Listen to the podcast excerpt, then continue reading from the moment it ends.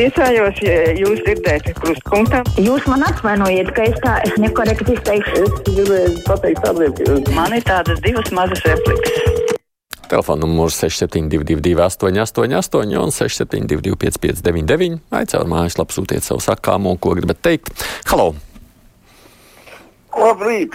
Labrīt! Vai labdien, kā pareizāk būs pateikt. Nu, tagad, kad sākās tā parakstu vākšana, daudzi ceļ paniku, ka nesot iespējams tos parakstus mēneša laikā savākt. Bet, nu, pieredze liecina, ja mēs paskatāmies kaut vai cilvēka informāciju par parakstu vākšanas kampaņu līdz 2012. gadam, te ir gan bijuši gadījumi, kad savāca ne tikai 150, bet 200 un pat 300 tūkstošu parakstu mēneša laikā, ja tik bija vēlme, ja tik bija agitācija. Bet izskatās, ka šīs partijas, kuras tos 34 parakstus savāc, viņiem varbūt nemaz negribās, lai cilvēki iet un parakstītos. Viņi to tikai ķeksīša pēc, bet viņi jau klusībā cer, ka atkal atgriezīsies valdībā. Bet jūs sakiet, ar- Aivar, jūs kādu citu radio arī kādreiz klausāties? Jūs zināt, ka Latvijas radio tā kā nevar reklamēties. Ir taču arī citi mēdīji, kur var reklamēties. Nu, var dažādi reklamēties, protams, bet, piemēram, kaut vai švāģi ir kanālu TV, ja es ieslēdzu. Tur ļoti daudz reklāmas, bet politiskās reklāmas nav. Un, nu, kaut vai pa mājām samestu, nu, tā kā Maksima, piemēram, metos. Un visi citi lielveikali tā varētu švesaras nodrukāt un aicinājumu samest. Bet man liekas, viņam nevajag. Nu, viņam taču pašam Ramonai Petravičai Māris Rūks strādā par palīgu un zināms, kas tas par cilvēku ir. Tā kā Ak, tā, es neko nezinu. ok, tā, vai Latvijai vajadzētu piedalīties Olimpiskajās spēlēs Parīzē, ja tur piedalīsies Krievija, jautā viens cilvēks. Un es arī gribu redzēt, kā šī lieta beigu beigās tiks. Nu, es nezinu, no rīta, kā lai to pasaka. Halo! Tā nē, šī skaņas nav lāga, tādas negribu dzirdēt. Mēģinām citu klausuli celt. Halo! Labdien! Labdien! Mani interesē tāds jautājums. Varbūt kāds var pateikt, par kādiem līdzekļiem bijušā valsts prezidenta vaira ceļo ar savu dzīves biedru pa visu pasauli. Nu, tur droši vien viņi varētu pati sacīt, atbildēt, bet es domāju, ka viņai ir gan savi līdzekļi, gan arī, kā jūs zināt, ir pilnīgi noteikti institūcijas aicinot arī apmaksāt ceļu. Tā tas notiek bieži vien. Arī jau mēdī, nu, situācija ļoti dažāda, kurā brīdī. Mēs pat redzējām šodienas ziņu par avioreisiem, kad ir Eiropas Savienība apmaksājusi Latvijas avioreisu atkarībā no situācijas, protams. Ļoti sāp sirds par Toņkalnā bojā gājušo meiteni raksta Līna. Negribu vainot ne šoferu vecumu, ne arī ceļu infrastruktūru, bet visvairāk to, ka mums uz ceļiem godā nav piesardzība, bet pārgalvība. Tiek kritizēti braucēji, kas ievēro noteikumus, brauc nedaudz lēnāk par atļauto. Ja kaut kāda iemesla dēļ tiek uzskatīts, ka lūk, pareizāk likumi ir pārkāpt un ātrumu pārsniegt, saspringti nervi, steiga valda uz ceļiem. Bet šīs 16-gadīgās meitenes dēļ asaras birst. Tā mums raksta klausītājiem. Halo! Sveicināts! Sveicināti! Es gribēju parunāt tādu pēc Eiropas dzelzceļa. Milzu projekts, milzu summa, startautiski saistīts ar vairākām valstīm un tik pavīši izstrādāts, ka vienkārši kā un skatīties. ir nolēmts, ka vilciens ies Rīgā. Stacija jau gandrīz ir sabūvēta, bet kā viņš ies Rīgā, nav skaidrs. Kā viņš izies no Rīgas, nav skaidrs. Ko darīt ar to līko rampu pie zivju paviljona, nav skaidrs. Nu, nav jau tā, ka mums nav nekas skaidrs. Tas, ka varbūt mēs paši daudz ko nezinām, tas, kas šajā brīdī drīzāk parādījās, ka ņemot vērā uh, saspringto situāciju, iespējams, kaut ko vajag pārprojektēt vai pārvērtēt, kā to var izdarīt ātrāk vai citādi. Bet tā jau mums īstenībā šī apspriešana sen jau ir notikusi, līnija ir iezīmēta, ir skaidrs, kur kas jādara. Tā, tāda konkrētā projektēšana un celšana tur nu gan mums aizkavējamies. Sveicināti! Avio kompānijas nākotnē vālēšot ar vēl lielāku slodzi, rakstīja nesen, bet kā dzirdām, mašīnas ar degvielu drīz aizliegs ražot. Nu, kā tad to izskaidrot, ka gaisa transports, kas visvairāk piesārņo gaisu, drīkstēs piesārņot vēl vairāk, bet cilvēkiem uzspiedīs elektromašīnas, kas ziemā vispār nav izmantojamas? Nav tā, ka neizmantos, kā jūs redzat, šobrīd Rīgā diezgan daudz arī ziemā brauc ar elektromašīnām. Tā nu nav, ka nav izmantojams. Laikam jau alternatīva daudz ko nosaka, kāda kur ir pieejama. Halo! Labdien! Labdien! Ja jau šodien par uh, šoferiem runā, gribētu parunāt. Uh, kāpēc, piemēram, kravas mašīnas šoferis ar lielu stāžu ir nostrādājis vairāk kā 30 gadus? Kad viņiem ir saliekti krūšu kurvi nervi, cik ir sabeigti, viņus neko nepalaiž nekādās pensijās, agrāk ne, ne izdienas, nekādās. Viņi jau nav spējīgi strādāt. Viņiem ir nervi stress 40 gadu garumā jau bijis.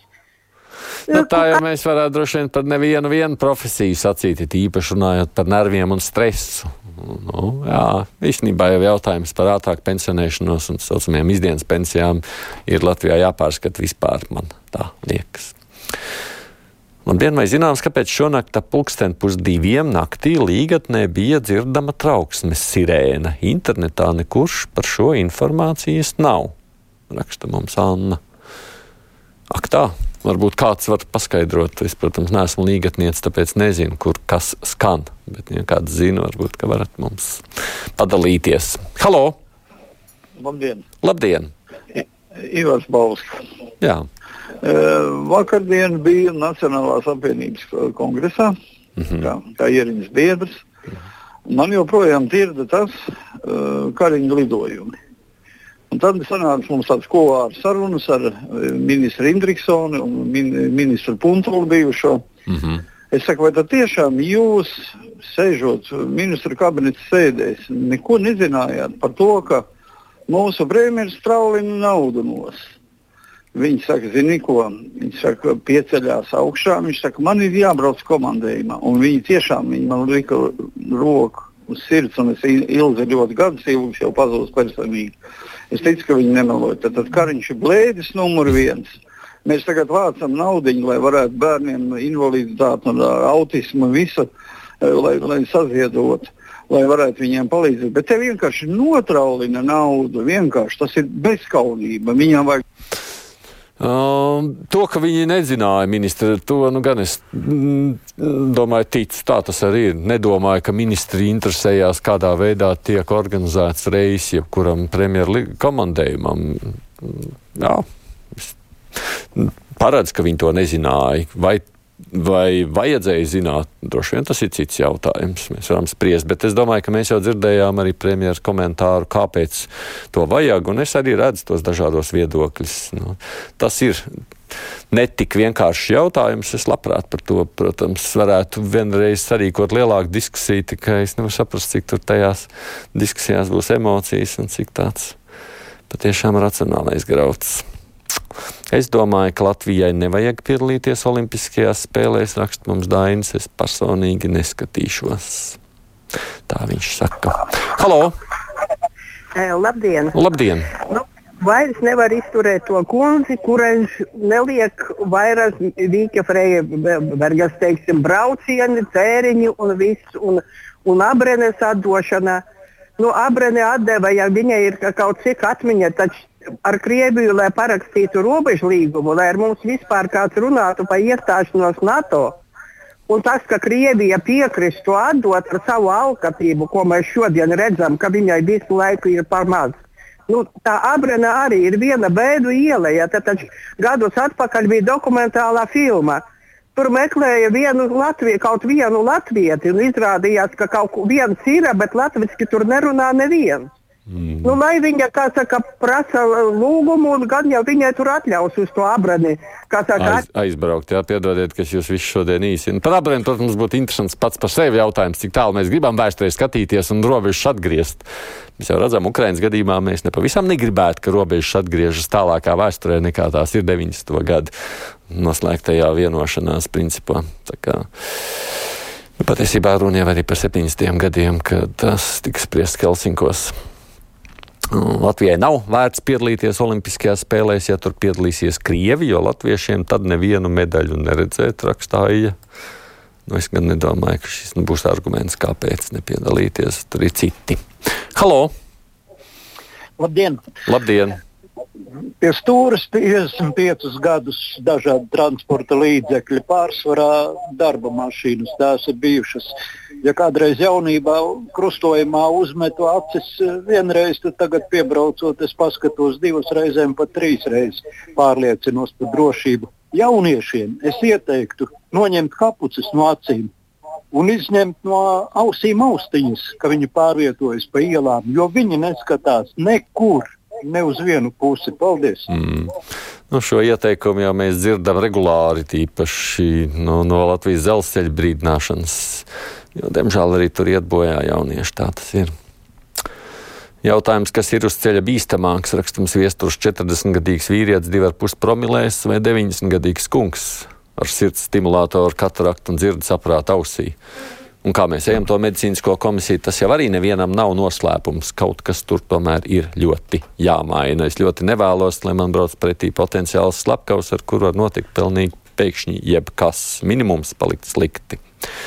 Jā, viestur, protams, risks, un mēs redzam, vecumā ir zināms risks, bet pilnīgi noteikti slikti var palikt jebkurā vecumā. Pats zinu, nu, netālu kaimiņos aizgājuši cilvēki pie stūres, sirdi, laime. Nu, nebija tā, ka viņš kādam uzbrauc, viņš vienkārši tur purciemā ceļa malā nomira. Bet nu, tā jau tas ir. Mēs neko pilnīgi droši izslēgt nevaram un garantēt arī.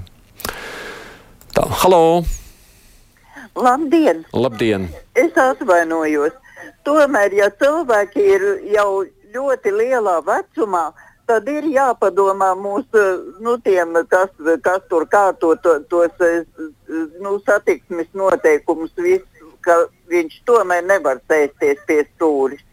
Ja cilvēkam ir kaut kur jau ap 90 gadiem, es pati pēc sevis spriežu, mm. ka te man ir tik laba veselība, ka es ne tikai mašīnu, bet lidmašīnu varētu stūrēt. Un pēc dažām minūtēm man nokarās rokas, un es vairs nevaru padarīt neko. Mm. Nu, tā ir taisnība. Jums katrs jau pats pašam vajadzētu izvērtēt. Nu, es negribētu nu, vispār iedomāties, kādu nastu vajadzētu droši vien nes šobrīd šis cilvēks, kuram, kurš šo avāriju ir izraisījis. Man arī teica, kurš nebrauc, gan viņam tiesības ir. Gribētu jau varbūt arī varētu iet komisiju, bet nu, viņš raizējās, ka viņš varētu tomēr netikt galā, tāpēc pie stūres vairs nesēž. Tā kā es jau, protams, aicinu katru izvērtēt arī pašiem saprātīgi, ticiet man, ja mēs esam vainīgi kādu nāvē. Tā tomēr ir liela nasta, kur taču jūs negribam neviens nest. Ai, Latvijai un citas Baltijas valstīs ir spēcvienības, kas Krievijas uzbrukuma gadījumā spējas veikt ienaidnieku un kolaborantu iznīcināšanu. Interesējas Andrejs. Mums rīt būs temats šajā virzienā, tā kā iespējams jā, jau tā jau jāpārdusē raidījumam rīt šis ziņas priekšā, un tad kā jau pirmdienās mums ir intervija.